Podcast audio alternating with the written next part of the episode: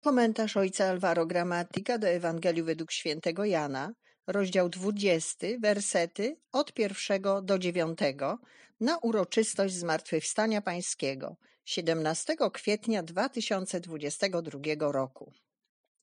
A pierwszego dnia po szabacie, wczesnym rankiem, gdy jeszcze było ciemno, Maria Magdalena udała się do grobu i zobaczyła kamień odsunięty od grobu. Pobiegła więc i przybyła do Szymona Piotra i do drugiego ucznia, którego Jezus kochał, i rzekła do nich: Zabrano pana z grobu i nie wiemy, gdzie go położono. Wyszedł więc Piotr i ów drugi uczeń szli do grobu. Biegli oni obydwaj razem, lecz ów drugi uczeń wyprzedził Piotra i przybył pierwszy do grobu. A kiedy się nachylił, zobaczył leżące płótna, jednakże nie wszedł do środka. Nadszedł potem także Szymon Piotr, idący za nim. Wszedł on do wnętrza grobu i ujrzał leżące płótna oraz chustę, która była na jego głowie, leżącą nie razem z płótnami, ale oddzielnie zwiniętą na jednym miejscu. Wtedy wszedł do wnętrza także i ów drugi uczeń, który przybył pierwszy do grobu. Ujrzał i uwierzył. Dotąd bowiem nie rozumieli jeszcze pisma, które mówi, że on ma powstać z martwych. W tym fragmencie Ewangelii czytamy o Marii z Magdali, która przekonana o śmierci Jezusa, której była świadkiem, spieszy z wieścią o kradzieży ciała. Widzi, że kamień został odsunięty od grobu, a to wystarczy, by przekonać się o kradzieży. Nie idzie nawet do grobu, by sprawdzić, czy jej podejrzenie jest prawdą. Niewiele trzeba, aby przekonać samego siebie, że to, co myślimy i do czego jesteśmy przyzwyczajeni, jest prawdą.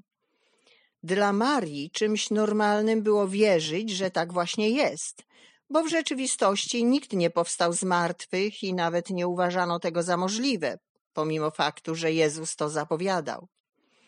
Jesteśmy tak przyzwyczajeni do naszej szarości, że wydaje nam się niemożliwe, aby istniało inne rozwiązanie, które jest korzystne dla naszego życia. Owocem jest ślepota i głuchota. Widzimy tylko braki, ograniczenia.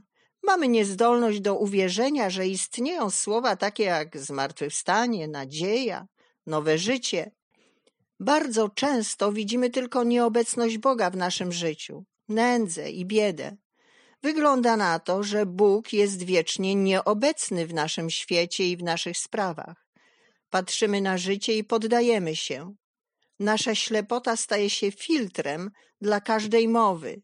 Każde przesłanie nadziei jest postrzegane jako czysta, niewykonalna i irytująca iluzja. Co należy zrobić? Zacznij jak Jan, który wchodzi do grobu, widzi, i wierzy w prawdę o zmartwychwstaniu Jezusa. Jan nie widzi tego, czego brakuje, a mianowicie ciała. Nie jest jak Maria, ale widzi obecność znaków świadczących o tym, że Jezus zmartwychwstał.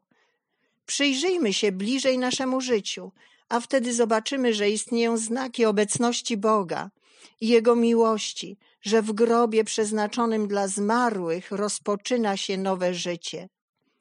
Przyzwyczajajmy się do patrzenia nie na to, czego brakuje, ale na to, co jest.